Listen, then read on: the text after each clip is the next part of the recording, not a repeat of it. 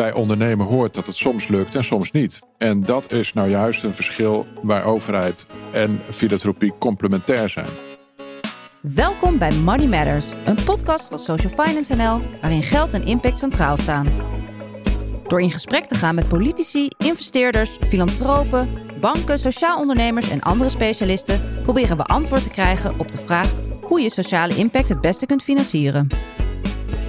Hi en leuk dat je luistert naar Money Matters. Ik ben Ruben Koekoek, Social Finance NL en vandaag als co-host. Mijn naam is Celine Pessers en een oud collega van Ruben. En ik werk bij ABN AMRO op de Sustainable Finance Desk. Waar ik uh, business development doe. Dus uh, de transitie naar uh, duurzame bedrijfsvoering bij zakelijke klanten van ABN AMRO. Daar hou ik me mee bezig. Super ontzettend leuk dat je als co-host wil meedoen aan deze podcast. Vind ik ook. Wij, wij kennen elkaar van ABN AMRO. Uh, maar we hadden een soort van aparte afdeling uh, waar we alle twee werkten. De incubator. Wat was dat precies? Ja, dat voelt alweer zo lang geleden. Dat was eigenlijk een dochterbedrijf van ABN AMRO. En uh, nou ja, dat, dat was uh, de missie die we daar hadden, was het hefbomen van het intellectueel kapitaal van de bank. Dus eigenlijk alles wat we in huis hadden, wat verder ging dan alleen uh, financiële dienstverlening. Daar probeerden wij nieuwe businessmodellen en, en verdienmodellen omheen te bouwen. En dat ging van crowdfunding tot ja, um, fusies en overnames voor het MKB, tot familie, financieel dagboek en ja, kunst. Er was heel veel en we noemen het ook een beetje de speeltuin van de bank. Hè? Het was een hele bijzondere tijd. Ja, volgens mij in 2010 hebben we daar elkaar leren kennen. En jij was toen echt wel een roepende in de woestijn als het ging om duurzaamheid, de maatschappelijke rol die een bank moest spelen. En ik, volgens mij is dat tien jaar tijd het is ploegen, maar dat is totaal veranderd, of niet? Ja, absoluut. Ik weet nog dat toen wij voor het eerst over circulaire economie spraken, dat wij een enorme ja, berg moesten beklimmen om mensen daarin mee te krijgen. En inmiddels is dat echt wel gemeengoed. Ook bij ABN AMRO is dat een van de drie belangrijke pijlers als het gaat over de transitie naar verduurzaming. En zo zijn er veel meer thema's die echt uh, in de versnelling zijn geraakt. Dus dat is, ja, super om dat mee te hebben gemaakt. Geweldig. En we gaan samen um, gaan we door het landschap van investeren in sociale impact. En vandaag gaan we het hebben over de rol die de filantropie hierin kan spelen. En dan vooral ook hoe uh, verhoudt de filantropie zich tot de overheid. En dat gaan we niet alleen doen. Sterker nog, de gast die we vandaag hebben is volgens mij in Nederland degene die we dit als misschien wel het beste kunnen, kunnen vragen. Uh, zou jij onze gast willen introduceren? Zeker, dankjewel Ruben. Nou, luisteraars, ga er maar even voor zitten, want onze gast van vandaag heeft een zeer indrukwekkende en veelzijdige loopbaan. Na zijn opleidingen accountancy en Nederlands recht was hij in diverse functies 18 jaar lang actief bij het CNV. Daarna ging hij het bedrijfsleven in als partner bij adviesbureau Boer en Kroon. En in 2002 maakte hij de overstap naar de politiek als minister van Sociale Zaken en Werkgelegenheid. Na vijf jaar ministerschap vervolgde hij zijn carrière in Parijs als plaatsvervangend secretaris-generaal van de OESO. En in 2011 maakte hij de overstap naar de filantropie als voorzitter en CEO van de Duitse Bertelsmann Stiftung, die zich inzet voor een inclusievere samenleving. Vorig jaar keerde hij terug op Nederlandse bodem als voorzitter van de Goldschmeding Foundation voor Mens, Werk en Economie. Hij heeft een grote bijdrage geleverd aan het hervormen van het sociale zekerheidsstelsel en de arbeidsmarkt en zet zich daar nog steeds voor in. Mag ik u voorstellen, Aart de Geus. Welkom. Dankjewel. Vakbondsman, minister, uh, adviseur en nu uh, al de tweede grote uh, filantropische organisatie die je leidt. Is dit, het, is dit het allerleukste wat je nu doet? Nou ja, je zou kunnen zeggen, er is a time for everything. Ik vind dit nu het leukste om te doen. Ja, dat klopt wel. En de meeste mensen zullen mij kennen als Aart Jan de Geus vanuit de politiek. Toen ik naar, uh, zo'n een leuke anekdote, toen ik naar Parijs ging uh, en later in Duitsland kon niemand mijn achternaam uitspreken. Dat was uh, de Goys of de Jews of de Goose. en toen zei ik, just call me Art. ik dacht, dan moet ik mijn voornaam wel makkelijk houden. En sindsdien heet ik dus Aart en zo ben ik dus ook nu weer terug. Maar inderdaad, het is ontzettend leuk om, uh, om bij zo'n foundation te werken die, die echt gaat over menswerk en economie. En daar kennis en, en innovatie kan verbinden. Ja. Maar Just Call Me Art. Ik kan me voorstellen in het uh, Duitse Gütersleu. Met zo'n conservatieve stichting. Dan gaan ze de hoogste baas toch geen art noemen? Of, of, of heb je ze wel zo ver gekregen? Uh, inderdaad, dat, uh, dat kan helemaal niet in Duitsland. daar is Doe is gereserveerd voor de directe collega's en voor God. Het gaat er maar om of je nabij bent. en voor je familieleden. Maar in zo'n organisatie is er een hele duidelijke, ja, wat formalistische benadering. En even goed was ik dan als Nederlander een beetje ja, toch, toch degene die dan wat losser was. En uh, aan de ene kant vinden ze dat leuk. En soms vinden ze dat ook lastig. Maar goed, het is, ze wisten wat ze kregen. En ik heb geprobeerd van daaruit ook iets in te brengen van ja, wat meer een cultuur van dialoog en openheid, ongeacht rangen en standen. Dus dat werd wel gewaardeerd? Ja, nou, eh, daar moet je hen, hen over vragen. Maar de, de, de veranderingen ja, hebben, eh, die veranderingen hebben, hebben goed gewerkt. Ja, dat, dat denk wel dat je dat zo kan zeggen. Nou, we zijn heel blij om je hier bij ons aan tafel te hebben. Um, en straks horen we ook meer over jouw ervaringen en, en lessen. Um, maar misschien goed om kort even uh, aan te geven. Um, wat doet de Goldsmeding Foundation precies? Ja, wij faciliteren projecten. Uh, op dit moment zo'n 30 uh, projecten op het gebied van inclusieve arbeidsmarkt. Dus mensen aan het werk krijgen, met name uit moeilijke groepen, circulaire economie. En dan kijken we naar wat verandert er in de economie en hoe kunnen we mensen ook in hun werkzame leven daarop voorbereiden. Hoe kunnen we ondernemers daarbij uh, helpen? En het derde is menswaardige samenleving. Hoe kun je een samenleving bouwen waarin niet het eigen belang het centrale, de centrale drijfveer is, maar de oriëntatie ook op het belang van de ander. En voor heel veel mensen spreekt dat aan, maar de systemen gaan er allemaal nog van uit dat, je, dat iedereen zijn eigen belang najaagt. En dat betekent dus ook dat er op termijn daarin veranderingen moeten komen. Al die, uh, die drie thema's, die drie programma's, daar hebben we projecten die we niet zelf uitvoeren. Die gaan met projectpartners. Dat kan zijn een, een, een businessclub of dat kan zijn een, uh, een laboratorium die zich bezighoudt met het denken van toekomstige generaties. Dus dat zijn projectpartners die wij dan financieren, maar die we ook begeleiden met kennis en uh, kijken hoe we, de, uh, hoe we daarmee ook beoogde effecten kunnen bereiken in het licht van die doelstellingen. Dat naar een ander uitkijken, daar is een, een mooi Grieks woord voor wat jullie gebruiken. Um, ik kan het zelf niet uitspreken, maar, maar wat is dat woord en wat betekent dat precies? Het laat zich uitspreken als agape. En het is eigenlijk de liefde die uh, anders is dan de filia, dat is de vriendschap, of de eros, dat is de erotiek. Maar de agape, dat is de liefde waarin het je gaat om het tot bloei komen van de ander. Je zou kunnen zeggen, ik word er blij van als iemand anders in zijn kracht staat of iemand anders gelukkig wordt. En agape is dus uh, een soort basishouding waarvan wij denken en waarvan Frits met name uh, ons heeft meegegeven dat als dat de basishouding wordt die we veel meer gaan zien in de samenleving, dan wordt de samenleving echt beter van. En in 2115 hebben we een samenleving die gebaseerd is op agape als de doelstellingen gerealiseerd worden. Jij noemt uh, uh, inderdaad 100 jaar na de oprichting, dat zou 2115 zijn. dat getal komt van Frits Goldsmeding, die zei: We hebben het hier over langdurige veranderingen. Het zou mooi zijn als morgen gerealiseerd is, maar zo werkt het niet. En mijn stichting zal dus een lange adem moeten hebben om deze doelstellingen na te jagen. En daarmee ook een 100-jarig perspectief. En als je dan van daaruit terugrekent, wat moeten we dan? Waar zouden we over, over 30 jaar willen staan? Waar zouden we dan over vijf jaar willen staan?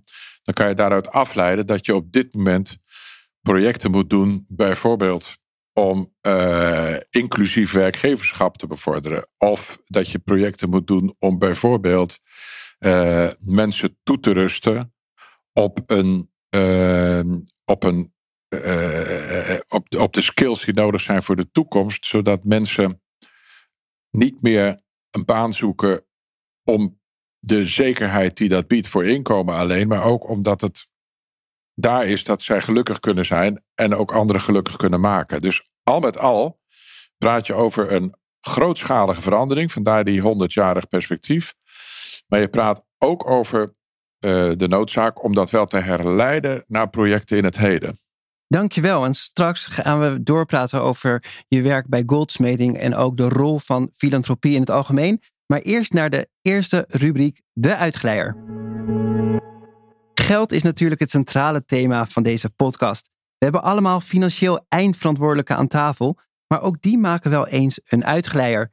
Daarom beginnen we altijd met de vraag: wat is de domste of meest onzinnige uitgave die je hebt gedaan? Moet ik, ze, moet ik ze allemaal noemen of uh, heb je even? Dat belooft wat. Als ik even zo nadenk. Uh, ik ben in 2000 verhuisd. En toen heb ik uh, gedacht van ik moet een investering doen in de connectiviteit in mijn huis. Dus ik heb door het hele huis, in alle kamers, heb ik bekabeling laten aanleggen met uh, de mogelijkheid om een computer in te pluggen. En toen had ik een collega bij Boer en Kroon en die zei van nou, ik weet niet of dat die, die investering nodig is, want over een paar jaar gaat alles draadloos. Toen dacht ik van, oh, dat kan nog wel even duren. Maar ik, dus ik heb die investering gedaan. Dat kostte een paar duizend uh, euro natuurlijk. Ja, dat is echt niks waard gebleken. Want heel snel was het digitaal. Dus het is wel een voorbeeld van hoe, de, uh, hoe je soms een investering doet. Waarbij je denkt, oké, okay, dan ben ik bij de tijd qua techniek. En binnen de kortste keren loop je achter. Nou, dat kan me goed, uh, goed voorstellen. En uh, Celine, heb jij ook een, uh, een uitgeleider? Nou, het, het, was voor mij een beetje een uitgeleider dat ik een hele dure elektrische fiets kocht om mee naar kantoor te gaan fietsen. En toen uh, brak uh, corona los. Nou ja, gelukkig heb ik hem wel eventjes uh, kunnen gebruiken. Maar die staat nu in de schuur stof te happen. Maar ja, best wat corona-gerelateerde vreemde uitgaven. Ik was op een gegeven moment heel enthousiast om wat gewoon, als je niet meer uit eten kan, om dan maar lekker eten in huis te halen. En toen ben ik helemaal mijn boekje te buiten gegaan in een soort brochure met allemaal Italiaanse delicatessen. En ik was iets te enthousiast aan het kiezen. En op een gegeven moment kwam er een, uh, een hele grote doos met wijnen en olijfolie. En nou, ik pakte dat uit en ik dacht, wat waanzinnig eigenlijk. Wat heb ik hier, nou ja, veel te veel aan uitgegeven. Dus nu heb ik, uh, heb ik heel veel Italiaanse delicatessen in huis. En uh, als ik bij mensen ga eten, dan neem ik altijd wel een flesje olijfolie of zoiets mee. Maar dat zijn van die gekke corona dingen die dan ineens ontstaan. Dan moet je dus blijkbaar toch ergens met je geld heen of zo. Dat is niet dat ik er te veel van heb, maar ik was wel verbaasd over die uitgaven zelf. Ja. het zou ook wel mooi zijn als dat. Daar zal vast wel onderzoek naar komen. Hoe, hoe huishoudens nu hun geld besteden door corona. Wat voor vreemde dingen men doen. Mijn uitgeleider is eigenlijk ook in het huiselijke. En net zoals die van, van, van Aard. Ik was laatst mijn, mijn huis aan het schoonmaken. En ik, eigenlijk hoefde ik niks te doen van mijn vriendin. Behalve de bank. Die was echt zo vies. En die, uh, uh, die moest ik. Uh, dat was mijn job.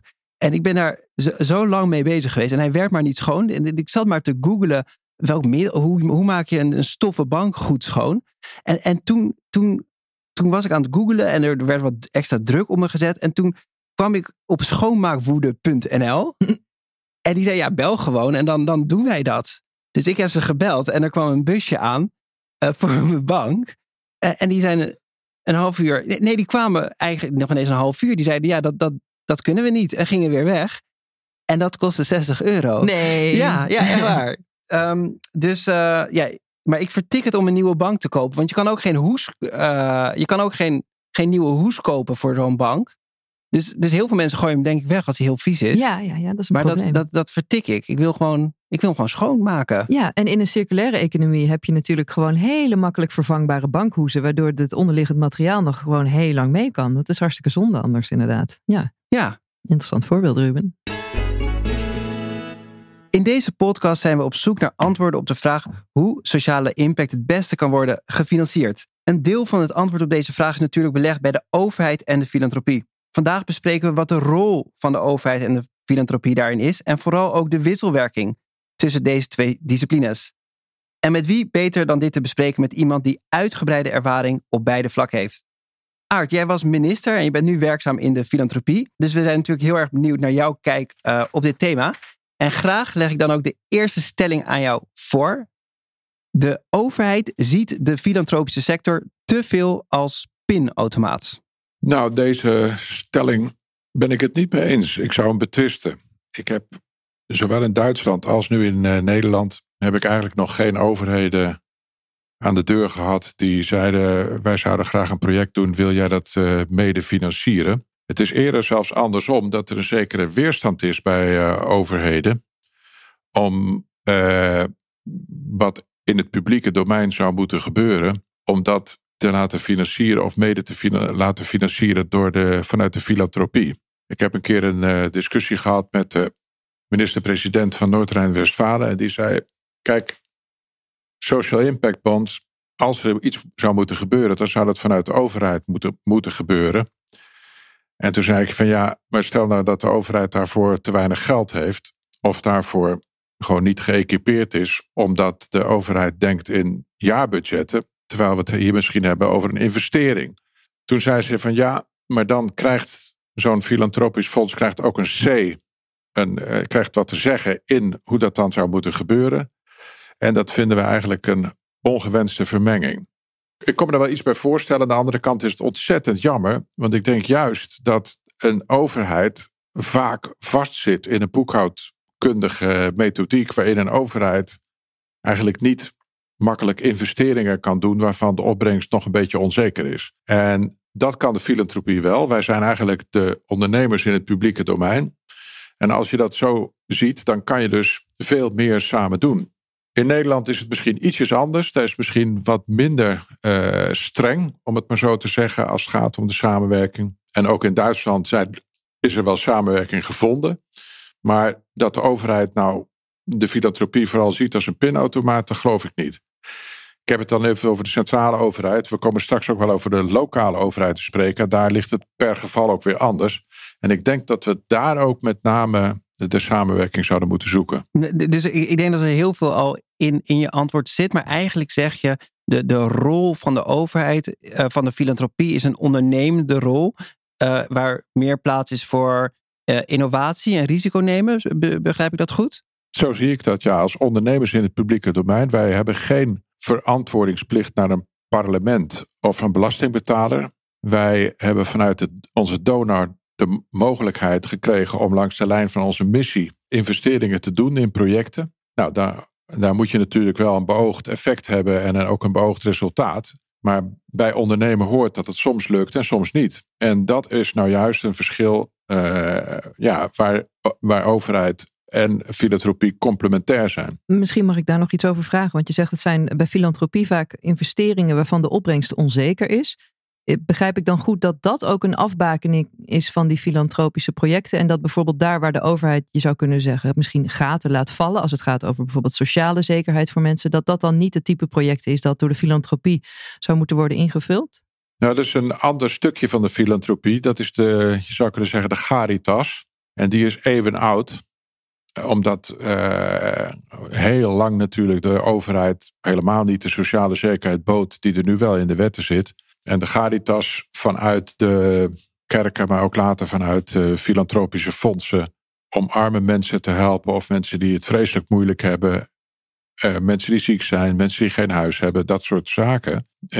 allemaal zeer belangrijk in de samenleving. Kunnen ook vanuit de filantropie worden ingevuld. Maar wij zijn nu in Nederland in een fase aangekomen dat daarin heel veel ja, via de overheid wordt ingevuld. Maar dat de systemen waar de overheid mee werkt, dat die eigenlijk uh, veel meer gericht zijn op het repareren van eenmaal ontstaande schade. Dus het helpen van mensen in een bepaalde nood. Terwijl de overheid niet zo heel veel verder komt bij het vooruitzien en het investeren in hoe voorkom je nou dat die nood ontstaat. En daar zit nu dus wat mij betreft ook een belangrijke rol voor de filantropie. Maar ik vlak de filantropie op het gebied van de Caritas zeker niet uit. En als je kijkt naar de uh, vele lokale fondsen die er zijn om bepaalde stukken, bijvoorbeeld in de cultuur, overeind te houden. Dat is geen systeemwijziging, dat is gewoon het overeind houden van publieke uh, belangen. En als je ook kijkt naar wat sommige stichtingen doen op het, uh, in, in de derde wereld, dat is gewoon echt de Caritas ook heel vaak nog wel die in Nederland ook in vorige eeuwen wel gebruikelijk was. Anderhalf jaar geleden heeft uh, Sander Dekker een brief geschreven naar de Kamer over wat voor uh, in zijn ogen de rol zou kunnen zijn van filantropie en hoe die zich verhoudt op de, tegenover de overheid. En, en daar, daar, dat is op basis van een rapport van de van de Wetenschappelijke Raad voor Regeringsbeleid. En daar, daar zegt hij inderdaad precies wat jij zegt, dat die innovatieve functie heel belangrijk is, maar ook dat de filantropie een signaalfunctie heeft naar de overheid. Eh, dus dat ze aankaarten wat er mis is en dat de overheid dat moet uh, oppakken. Um, hoe, hoe, sta jij daar, daarin en, en, en de Goldsmeding Foundation? Kloppen jullie ook af en toe aan bij de overheid om te vertellen wat ze moeten doen? Jazeker. En dat gebeurt eigenlijk op twee manieren. Je, het kan zijn dat in onze projecten dat we zien dat bepaalde aspecten van uh, het overheidssysteem uh, niet goed werken of zelfs averechts werken. Uh, op het moment dat je wel circulaire economie wil bevorderen, maar je hebt tegelijkertijd heb je een belastingssysteem waar de prikkels precies de andere kant op wijzen. Dan gaan wij een project doen om te financieren om te kijken hoe de, dat belastingstelsel er anders uit kan zien. Nou, dat wordt begin volgende maand wordt dat rapport gepresenteerd. En dat betekent dus ook dat je een signaalfunctie hebt om dingen die in, de, in, in die systemen niet helemaal goed zijn, om die aan de, aan de kaak te stellen. En tegelijkertijd is dan het alleen met de vinger wijzen van nou zo zou, hè, uh, dat is niet goed, is wat ons betreft onvoldoende. Je moet dan ook een alternatief bieden. Ik vind het zelf altijd heel belangrijk, heb ik ook wel geleerd in Duitsland en ook bij de OESO. Het alleen aankaarten van de misstand is niet genoeg. Je moet eigenlijk ook het bewijs kunnen leveren dat de aanpak die je dan aanbeveelt, dat die ook werkt. Dus eigenlijk proberen wij met onze projecten een stap verder te gaan. Om niet alleen iets aan te kaarten van nou dat zou anders moeten. En daarvan de richting aan te geven, maar ook het bewijs kunnen leveren van dat het op een bepaalde manier ook kan werken. Wat betreft die ehm, aanbevelingen aan bedrijven, als het gaat over agape in relatie tot uh, uh, werknemer- en werkgeverrelatie. Um, hebben we natuurlijk in de coronacrisis wel gezien dat daar waar bedrijven de afgelopen tijd heel vaardig zijn geworden in het creëren van aandeelhouderswaarde, dat toch tegelijkertijd de positie van werknemers toch over het algemeen vaak uh, ook een kwetsbare is geworden. En nu sprak ik laatst een, uh, een jong, snel groeiend bedrijf dat eigenlijk software ontwikkelt om die werknemers mede-eigenaar te maken van hun. Van het bedrijf waar ze werken. Ziet u dat soort oplossingen ook als onderdeel van de, van de toekomstige arbeidsmarkt? Jazeker. Ik heb al wel langer uh, gezien, ook vanuit mijn vakbondstijd, dat wij eigenlijk in heel veel bedrijven nog vasthouden aan een vrij strenge scheiding tussen arbeid en kapitaal. De een levert zijn arbeid en de ander levert het kapitaal. Die tegenstelling en die rolverdeling is wat mij betreft van de 20e eeuw en niet van de 21e eeuw. En op die manier denk ik dus dat we ook naar nieuwe creatieve vormen toe moeten van mede-eigenaarschap. Maar nog belangrijker dan zo'n financieel instrument is dat er bij de ondernemer er zicht op is dat als je werknemers gelukkig zijn, dat dan je met elkaar ook veel gelukkiger klanten krijgt. En als je meedenkt in het belang van de klant, dat je dan de klant veel beter kan helpen.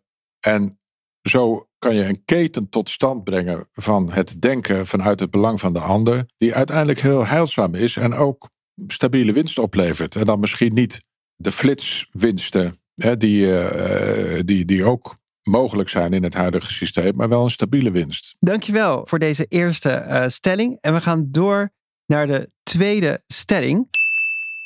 Ik kan als de baas van de Goldsmeding Foundation meer bereiken dan als baas van het ministerie van Sociale Zaken en Werkgelegenheid. Als ik eerlijk ben, moet ik ook op deze stelling zeggen dat is gewoon niet waar. Mm. Je hebt als minister uh, een grote verantwoordelijkheid, maar ook een enorme aantal instrumenten waarmee je kunt werken. Dat is regelgeving, maar dat is ook uh, enorme. Dat zijn miljarden budgetten. Wat dat betreft is zo'n Goldsmeding uh, Foundation natuurlijk ook maar een klein bootje in het geheel. Ik heb wel als minister ervaren dat de marges om te opereren dat die heel klein zijn. Hè? Dus de, uh, al heb je een miljardenbudget om daar een beetje in te veranderen, nou dat kost een heel veel moeite. En regelgeving is ook niet zomaar bedacht en ingevoerd. Dus zeker is het zo dat je als minister uiteindelijk ja, meer, meer daadkracht tentoon kan spreiden. Je kan ook meer realiseren. Dat kan je ook terugzien in veranderingen in wetten en budgetten. Uh, kan ik zelf ook terugzien na, na, na mijn tijd. Maar de marges om te veranderen, die zijn klein. Ik had in mijn tijd het geluk dat er een coalitie was die uh, vastbesloten was om een aantal wijzigingen in de sociale zekerheid om die te realiseren. Dat ging om het omlaag brengen uh, of om het omhoog brengen van de pensioenleeftijd, toen nog verbonden aan fut- en prepensioen. Dat ging om het uh, halveren van het aantal mensen met een blijvende arbeidsongeschiktheidsuitkering en nog zo'n paar. Op dat moment heb je een window of opportunity zeg ik. En in mijn OESO-tijd heb ik wel geleerd dat de window of opportunity for real reforms ja, dat is vaak maar drie van de twintig jaar. En als je dan het geluk hebt dat je in zo'n tijd minister bent, dan kan je dus veel doen. Mijn opvolger, Donner, die wilde het arbeids, het ontslagrecht veranderen. Dat is helemaal niet gelukt. En dat ligt niet aan Donner, maar het ligt wel aan de window of opportunity die je soms hebt. Als ik dat nou vergelijk met de Goldsmithing Foundation, dan kan je natuurlijk zeggen, ja, in een tanker kan je meer olie vervoeren. In een speedboot kan je, ben je wendbaarder en kan je sneller varen. En kom je soms op plekken die anderen niet zien. Dus de, ik, zie de, ik zie de Foundation wat dat betreft dus als een kleine speler, maar in, het, in zo'n groter geheel. Maar toch wel als een speler die uh, verschillende dingen, verschillende goede inzichten naar voren kan brengen. En nogmaals, ook plekken kan komen waar de overheid niet komt. Wij kunnen bepaalde investeringen doen, wij kunnen bepaalde projecten financieren waar de overheid door regelgeving of anderszins niet aan toe kan komen. Dus ja, minister kan meer bereiken, maar dit is nu plek waar ik me helemaal senang voel. En die ook gewoon, natuurlijk gewoon nodig. Want in het, in het begin gaf je aan dat goldsmeding een, langer een horizon heeft van uh, eh, 100 jaar. En dat overheden vaak te maken hebben met uh, jaarbudgetten. Al is de problematiek natuurlijk, gaat ook over decennia. Um, is dat niet te doorbreken? Kunnen we daar niet aan, do uh, niets aan doen dat overheden ook meer op de lange termijn gaan denken? Op het niveau van de, van de centrale overheid uh, reken je met periodes van maximaal eh, vier jaar. Voordat er weer een nieuwe uh, verkiezing zijn met een nieuw mandaat, met een nieuwe regering, een nieuwe coalitie. Dus de tijdshorizon voor de plannen die je regering in uitvoering kan nemen, die is betrekkelijk kort. Dus het denken is wel vaak aan de lange termijn ontleend, ook via adviesorganen die daar goede adviezen over geven. Maar dan wordt er een begin gemaakt. En dat kan je niet helemaal ten uitvoer leggen binnen één periode. Op lokaal niveau is dat ietsjes anders. Daar is er iets meer mogelijkheid om op de langere termijn te denken. Omdat dat niet zo volatiel is als de, als de parlementaire verkiezingen. Met uh, behoorlijke scherpe scheidslijnen en machtsoverdracht.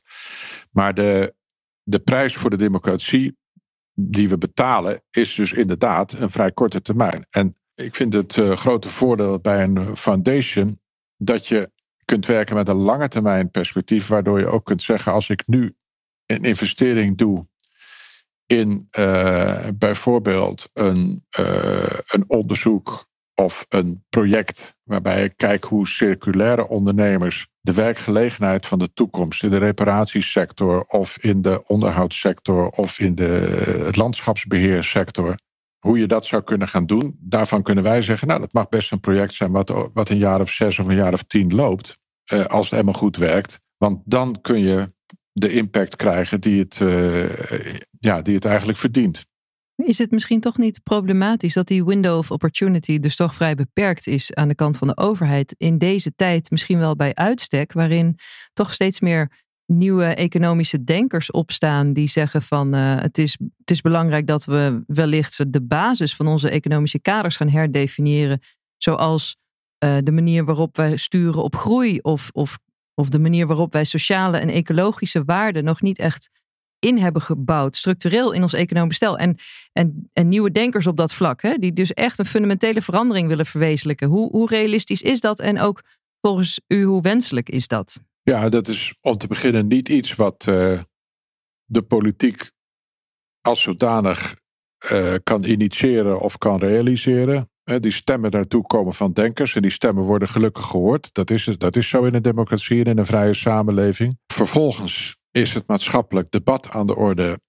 En is ook de vraag wat het bedrijfsleven daarmee doet, hoe daarop gereageerd wordt, of het als realistisch gezien wordt. Daarvan zien we dat er uh, een behoorlijke verandering gaande is. Niet alleen in Nederland, maar ook bijvoorbeeld in Amerika, waar een honderdtal CEO's die gezegd hebben met elkaar, of waren het misschien zelfs meer, maar die hebben gezegd: wij moeten purpose naast profit centraal gaan stellen in onze ondernemingsleiding. Kijk, dat soort bewegingen zijn gaande. Zijn gaande. En dat is ook zeker iets waar we als, de, als Foundation oog voor hebben. Het moment waarop de politiek daar iets mee moet of iets mee kan, is als je bruikbare recepten hebt ook om te kijken hoe je zo'n verandering uh, kan vastleggen in regels en in, uh, en, en in uh, belastingstelsels enzovoort. De politiek is meestal niet de eerste kraamkamer van ideeën, maar de politiek is er wel voor om als iets ingang vindt, om dan ervoor te zorgen dat dat ook een level playing field wordt, dat dat ook dat dat omarmd wordt en eventueel gecodeerd wordt. Ik ben jurist en de, mij is altijd opgevallen aan wetgeving dat wetgeving komt altijd achter de praktijk aan. Er groeit eerst een inzicht met elkaar dat het anders zou moeten en pas dan uh, wordt, het in een wet, uh, wordt het in een wet gezet. Dat is hoe de democratie werkt. Dus ik, wat dat betreft is het zo dat die, die, die beweging in het denken van, van economen, zoals je die benoemt, die is gaande en dat is goed. En het is dan weer aan ons als uh, filantropische instellingen, als denktanks, om ook mee te kijken hoe je de praktische effecten van het denken, hoe je die kan omzetten. En als daaruit uh, dingen voortvloeien, een ander belastingssysteem of een andere governance code, kijk, dan kun je zeggen, hier is een recept wat je zou kunnen invoeren. Je had het over uh, je rol bij de overheid, de, de olietanker en, en uh, binnen de filantropie, meer een, in een, speedboot. Voor, de, voor de luisteraar, de overheid geeft zo'n 400 miljard uit. Jij was verantwoordelijk voor zo'n 80 miljard aan budget voor sociale zaken en werkgelegenheid. En de filantropie geeft 5,7 miljard uit in Nederland. Dus dat is wel een goede om, om enige een gevoel te krijgen van de, van de verhoudingen. Wat ook wel anders is, lijkt me, is de manier waarop je effectiviteit meet. Eh, dus uh, beide partijen geven een hoop geld uit om de wereld een beetje mooier te maken. Maar hoe meet je nou hoe dat effect heeft? Kan, je iets aangeven hoe goldsmeding uh, gaat meten of ze inderdaad op weg zijn naar de wereld die ze voor ogen hebben? Jawel, daar kan ik wel iets over zeggen. Dat is overigens een heel moeilijk thema. Bij de Goldsmeding Foundation hebben we gezegd: allereerst willen we bedenken waar willen we dan over, ik noem maar wat, over 30 jaar zijn. En als je over 30 jaar zover wil zijn dat Nederland circulair denkt en dat de mensen die daar werken daarop voorbereid zijn en een goede boterham kunnen verdienen en niet dat half Nederland aan de kant staat omdat ze die slag gemist hebben, dan zeg je oké, als je daar vanuit terugredeneert, dan is er dus een verandering nodig bij het denken van ondernemers. Er is een verandering nodig bij het denken van onderwijsinstellingen. Er is een verandering nodig in de attitude van werknemers. Welke veranderingen zijn uh, parallel eventueel nodig? Wat doen anderen al? Wat zijn nou projecten die wij kunnen financieren? Hoeveel ondernemers bereiken we daarmee? Welke verandering willen we zien in, ik noem maar wat, in vijf jaar? En dat wordt bij het begin van onze projecten gedefinieerd. En op het moment dat je dat aan het begin van de projecten definieert, dan kan je ook na afloop van een project kan je zeggen van nou heb je, dat, heb je die doelstellingen gehaald. En als je hebt gezegd, de bedoeling is dat er 350 jongeren aan het werk komen en het worden er 198, dan heb je die doelstelling dus niet gehaald, maar ook weer niet helemaal niet. En dan kijk je wat, waardoor kwam het dat we het niet helemaal gehaald hebben. Eh, en dan trek je die lessen en die nemen we weer mee naar het volgende project. Dus op die manier is het zo dat het meetbaar maken van doelstellingen is niet als een project klaar is, maar dat begint bij het begin door realistische doelen te stellen. Die hebben we dan onderverdeeld in de directe outputs. bijvoorbeeld een output is dat er een uh, belangrijk wetenschappelijk artikel geschreven wordt. Dat is een output, maar dat is nog geen beoogde outcome. De outcome is dat dat door een x aantal mensen die ertoe doen gelezen wordt en dat die dat verankeren in een andere manier van, van denken en handelen. Dus je, je hebt verschillende lagen. Je hebt de directe outputs, je hebt de beoogde outcomes en je hebt de uiteindelijke impact die je wil bereiken. Maar om te weten wat je vandaag moet doen, moet je wel weten wat het uiteindelijke doel is waar je naar streeft. En daar moet je vanuit terugredeneren. Dat heet met een mooi woord een theory of change. Het veranderpad kan je dat op zijn Nederlands noemen. Wat is nou het veranderpad langs welke je dat wil bereiken? En daar moet je zo concreet mogelijk en ook als het kan kwantitatief, dus gewoon in getallen, zeggen hoeveel scholen wil ik bereiken met de nieuwe, met de nieuwe lesmethode. Want als ik 10 of 20 procent van de scholen kan bereiken met een nieuwe lesmethode. En ik kan laten zien dat dat goed werkt, dan, kan dat, dan heb je voldoende kritische massa om, hè, nou, om daar vanuit door te groeien. Dus dat zijn de doelstellingen die, zoals wij die dan stellen. En bij de overheid uh, is dat denken in zulke soort doelstellingen is veel lastiger, omdat, je, uh, omdat de overheid niet zozeer via projecten werkt, maar veel meer aan doorlopende uitgaven, zal ik maar zeggen. Niettemin herinner ik me wel dat wij destijds ook wel doelstellingen hadden van nou zoveel mensen met uitkeringen minder. Uh, en dat konden we bijvoorbeeld bereiken door het budget voor de ondersteuning van mensen die werkzoekend waren, door die te verhogen. Dus dan ga je aan de ene kant wat meer uitgeven, aan de andere kant ga je besparen. Zo kan je ook in de overheid wel een beetje projectmatig denken. Je zei net iets over de Social Impact Bond en hoe je dat met een Duitse politicus eh, besprak en eigenlijk zei ja, het, het recht om doelen te stellen, dat is aan de, aan de democratie. Ik wil niet dat maatschappelijke investeerders of filantropen zich daarmee bemoeien. En is dat dan niet ook de scheiding? Dat de politiek aangeeft wat de doelen zijn, waar we naartoe moeten sturen, wat die, lange term, wat die horizon is. Maar dat je daar bijvoorbeeld met maatschappelijke investeerders of filantropen uh, kan kijken van hoe kunnen we dat het meest effectief benaderen. Omdat misschien in de uitvoering andere partijen wel effectiever kunnen zijn in de, bij het bereiken van het doel. Nou, toch heb je voor bepaalde ideeën die je wel als filantropie kan opstarten. Ook met Social Impact Bond, ik noem maar wat, een uh, systeem van het beter begeleiden van uh, tieners op school. Heeft een heel grote, hoge maatschappelijke opbrengst. En daar kan je als filantropisch fonds kan je investeren in een Social Impact Bond die dat financiert. Op het moment dat dat blijkt dat dat een uh, groot succes is, dan vind ik wel dat het aan de overheid is om dat over te nemen en om dat in hun systemen op te nemen. Dus je hebt ook een soort voorlopersfunctie. Als filantropie heb je een voorlopersfunctie.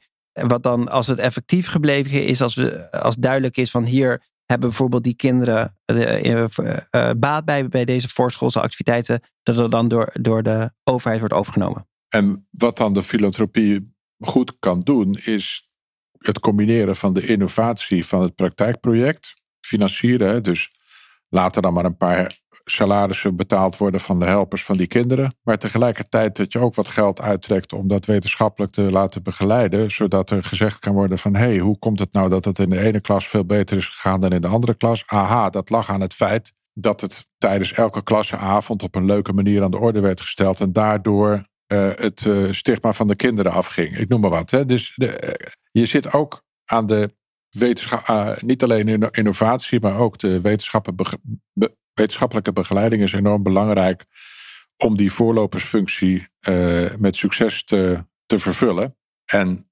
uh, een van mijn Duitse collega's die noemde dat de zogenaamde Hebelwirkung. En een Hebelwirkung, dat is hetzelfde als het Nederlandse hefboomwerking. Dus wat je mm. bedoelt is een initiatief op gang te brengen of, of mogelijk te maken wat vervolgens een heel groot uh, maatschappelijk resultaat kan hebben. Maar dan moet je dus eerst laten zien dat het werkt. Dankjewel. Dus eigenlijk als, uh, als minister in die olietanker heb je enorm, enorme budgetten, maar het gaat traag. En het is soms moeilijk om vanuit effectiviteit te werken en om de lange termijn horizon te, in zicht te houden. En die speedboot van de Goldsmeding Foundation waar je nu in zit, heeft als voordeel dat je dat je meer nadruk kan leggen op metingen en op effectiviteit. En dat je met een Hebelwirkung een, een hefboomeffect, een katalysator kan zijn waarbij je aantoont wat kan werken. Uh, zodat de, de grote olietanker daarna zijn koers kan wijzigen en, en de speedboot kan volgen. Mooier kan ik het niet samenvatten. Dankjewel. En dat brengt ons ook naar de volgende stelling. De Goldsmeding heeft doelen gesteld voor de komende 100 jaar. Maar we gaan ook even kijken wat we de komende 10 jaar uh, in Nederland kunnen veranderen. En dat brengt mij tot de stelling: over tien jaar is er minder kansenongelijkheid in Nederland dan nu. Nou, dit is de derde stelling die ik moet betwisten. En dat heeft te maken met een uh, sad wisdom over trend van toenemende kansongelijkheid, die eigenlijk al een aantal jaren loopt. En dat is best wel een basic trend. Uh, en dat is iets om je grote zorgen over te maken. En ik geloof niet dat dat in tien jaar gekeerd is in een generatie misschien wel. En laten we daar ook vooral op inzetten, maar in tien jaar niet. Wat is de trend? De trend is dat maatschappelijke ongelijkheid in de huidige verhoudingen zich reproduceert. Wat bedoel ik daarmee? Als iemand werkloos is, dan is de kans dat zijn kinderen werkloos, dat als er kinderen zijn, zijn of haar kinderen ook werkloos zijn, is behoorlijk groot. De kans is behoorlijk groot dat die kinderen niet het beste onderwijs krijgen. De kans is groot dat de gezondheid in dat gezin uh, vrij laag is. De kans is ook groot dat er democratisch minder geparticipeerd wordt. Al met al is het zo dat de scheidslijnen in de samenleving tussen de mensen die, die het goed gaat en die hoop kunnen hebben op de toekomst en die dat ook merken en ook voor hun kinderen dat zien en de mensen die in een situatie zitten die eigenlijk nauwelijks verbetert of zelfs een klein beetje verslechtert, dat dat uh, heel moeilijk is om daar doorheen te breken. Er zijn natuurlijk verschillende initiatieven om daar doorheen te breken. Bijvoorbeeld door in buurten anders te bouwen. Of door in het onderwijs op een bepaalde manier met kansarme jongeren om te gaan. En uh, zo zijn er verschillende initiatieven. Maar het echt doorbreken van die, van die trend naar steeds meer scheiding is hartstikke moeilijk. En daar komt nog bij dat de digitalisering enerzijds een kans zou kunnen zijn om die kansenongelijkheid te bestrijden. Want mensen die misschien niet uh, naar een universiteit in een ander land kunnen gaan, kunnen nu online wel studeren. En hele intelligente, maar straatarme jongeren uit India, die, die studeren aan de beste universiteiten online in de Verenigde Staten en halen daar ook. Hè, dus dat is nou iets waar de digitalisering een mogelijkheid biedt. En tegelijkertijd zie je ook in de praktijk van alle dag een soort van een digital divide. En dat is dat waar mensen niet aangesloten zijn, gezinnen niet aangesloten zijn op alle mogelijkheden van digitalisering, dat de, uh, de grote opportunities die zich daarmee voordoen, dat daar degene mee weglopen die het toch al goed hebben. Nou, mensen die, die geen pensioen hebben, zijn ook vaak de mensen die niet sparen. Dus het zijn ook de mensen die uiteindelijk ook weer een wat armere oude dag hebben. Al met al is er op het gebied van de ongelijkheid nog veel te doen.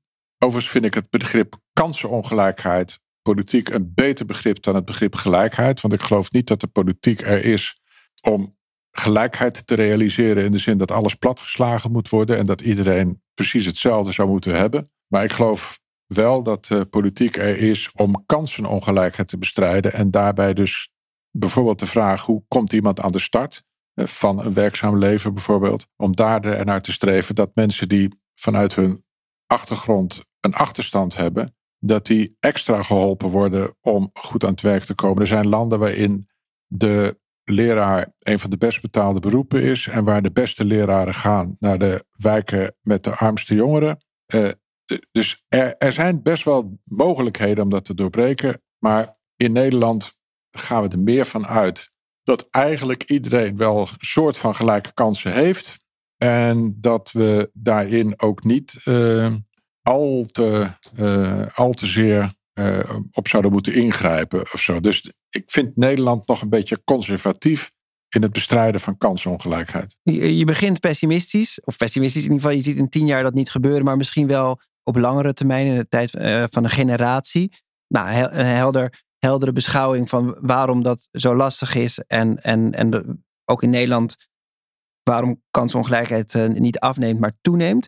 Heb je een voorbeeld vanuit de filantropie waarvan je zegt van dit is nou een prachtig initiatief, dat zou de overheid ook moeten omarmen of opschalen. Daar kunnen we kansenongelijkheid echt mee aanpakken. Dus hoe, hoe gaan we een voorbeeld waar we mee voor gaan zorgen dat die uh, kansongelijkheid afneemt de komende generatie? Nou, daar zijn wij nu druk mee bezig om met name naar de, de mensen met een achterstand op de arbeidsmarkt, de kwetsbare groepen. En we weten allemaal dat de overheidsinitiatieven vanuit het centraal niveau, dat die maar zeer, zeer, zeer ten dele succesvol zijn geweest de afgelopen tijd. Was pas ook weer iets over in de krant. We zijn nu bezig om uh, een aantal initiatieven op dat gebied te bundelen.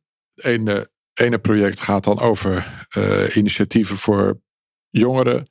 Het andere initiatief gaat over uh, nieuwkomers, dus mensen die een niet-Nederlandse achtergrond hebben. En als je, als je dus kijkt naar, de, naar wat op dit moment in de praktijk succesvolle interventies zijn. En als je die lessen bij elkaar bundelt, dan denken wij dat we een heleboel goed kunnen doen. In ieder geval in de richting van een inclusieve arbeidsmarkt. Wij, wij houden ons bezig met menswerk en economie. We gaan dus niet het hele onderwijsstelsel op die manier aanpakken. En ook niet het gezondheidszorgstelsel. Dat mogen andere foundations dan weer doen. Maar zo zit er in elke wereld, en in dit geval dan in de wereld van werk, zitten er winstkansen om uh, de kansenongelijkheid te bestrijden.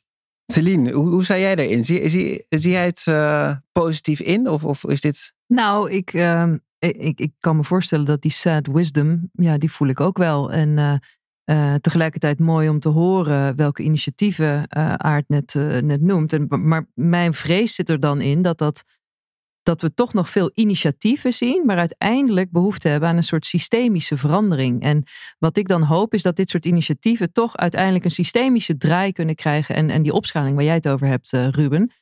ja, dat, dat vind ik nog een lastige om dat voor me te zien. Hoe dat breder, opschaalbaar en echt uh, ingebed wordt uiteindelijk. Heb je, ben je daar hoopvol in, uh, Aard? Jawel, maar dat is nogmaals, dat is dus een kwestie van lange adem. Ja. Ik ben er wel hoopvol over. Als we dat, uh, dat goed kunnen doen, dan is het. Kijk, de, Nederland heeft niet zo'n, nog niet zo'n traditie van filantropische fondsen die zich ook met systeemwijziging bezighouden. En dat is ook niet onze eerste bestaansrecht.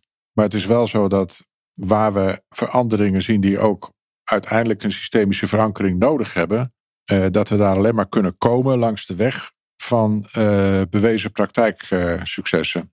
Dus door al een x aantal jongeren aan het werk te helpen, is dat goed voor de jongeren. Maar als die aanpak kan blijken succesvol te zijn en bijvoorbeeld ook succesvol zou kunnen zijn voor ouderen, eh, bij, bij ouderen bijvoorbeeld heel sterk achterlopen met digitalisering. Maar goed, sommige jongeren misschien ook. Dus het kan best zijn dat, dat je instrumenten vindt waardoor je uh, naar verschillende doelgroepen tegelijk kan werken. En ook niet al te dure instrumenten vindt die toch wel hout snijden. Dankjewel. Dankjewel voor je antwoord op deze uh, derde uh, stelling.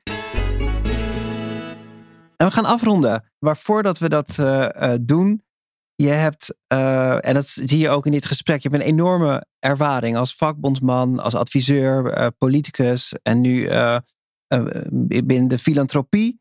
Wat, wat is de rode draad? Wat is de, de, de lijn in, in jouw carrière? En vooral voor mensen die aan het begin van hun carrière staan.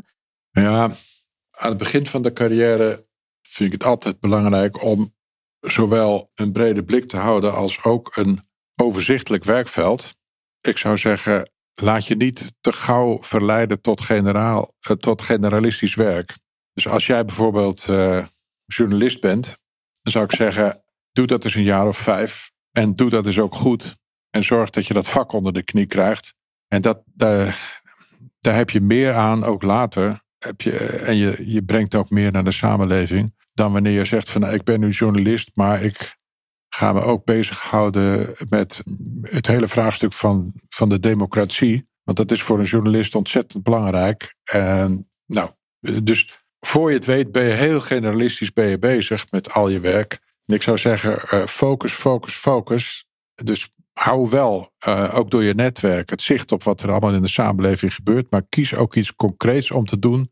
Bijna een soort ambacht. Omdat je dan ook uh, leert zien wat er in de praktijk voor nodig is om dingen tot een succes te maken. Anders ben je na tien jaar ben je een zwever. En wat was voor jou dat ambacht? Is dat je vakbondsperiode? Ja, en daarna was ik bestuurder in de sociale zekerheid namens de vakbond. Dat is ook een ambacht. Dat heb ik ook vrij lang gedaan. Ik zou zeggen, maak daar niet te veel plannen over. Kies iets wat je als ambacht goed gaat doen. En als je je daarop werpt, dan komen andere dingen vanzelf. Mooi advies. Uh, dankjewel, uh, Aart. Celine, we komen bij de afronding van het gesprek. Wat, wat neem jij mee uit, uh, uit dit gesprek? Nou, ik, ik heb met heel veel interesse geluisterd. En uh, zelf ben ik altijd wat, uh, nou ja, wat ongeduldig als het gaat over de grote wereldthema's en uh, de verandering of het gebrek aan verandering dat we daarin zien. Daarom ben ik toch altijd wel weer onder de indruk ook van um, ja, wijze en uh, ervaren mensen, um, zoals Aard uh, vandaag, die daar met uh, geduld en toch een vorm van zorgvuldig realisme nou, uiteen kunnen zetten wat daarin alle hobbels zijn, maar ook de kansen. Dus ik heb met heel veel interesse daarnaar geluisterd en ik vind die speedboot interessant, die, die Hebelwirkung die inderdaad als, als grote potentie ligt om nou ja, vanuit de filantropische sector de overheid ook te inspireren en uh, te activeren. Dus um, ja, food for thought uh, voor mij. Ik vond het erg leuk om hierbij uh, te zijn vandaag. Ja, en ik, ik hoop dat als er luisteraars zijn die zeggen van nou, het publieke domein is, gaat me aan het hart, maar ik voel me eigenlijk ondernemer. Dan moeten ze zich bij ons melden of bij een andere foundation. Super, dankjewel. Um, ook dank aan mijn co-host Celine Vesters, dankjewel. Vond je het leuk de eerste keer? Om, Heel erg leuk, ja, ja, ja absoluut. Ik, ik zie je snel, uh, snel weer dan. Um, ook ABN AMRO en het Oranje Fonds wordt mede mogelijk maken van deze podcast. Productie Daniel van der Poppen, redactie Daphne Sprecher en Daphne Salvino. Wil je niks missen van deze reeks? Abonneer je dan op ons podcastkanaal via Spotify, iTunes of een ander kanaal. En vergeet ook niet een recensie achter te laten in de iTunes podcast app. Of neem een kijkje op www.sokvin.nl.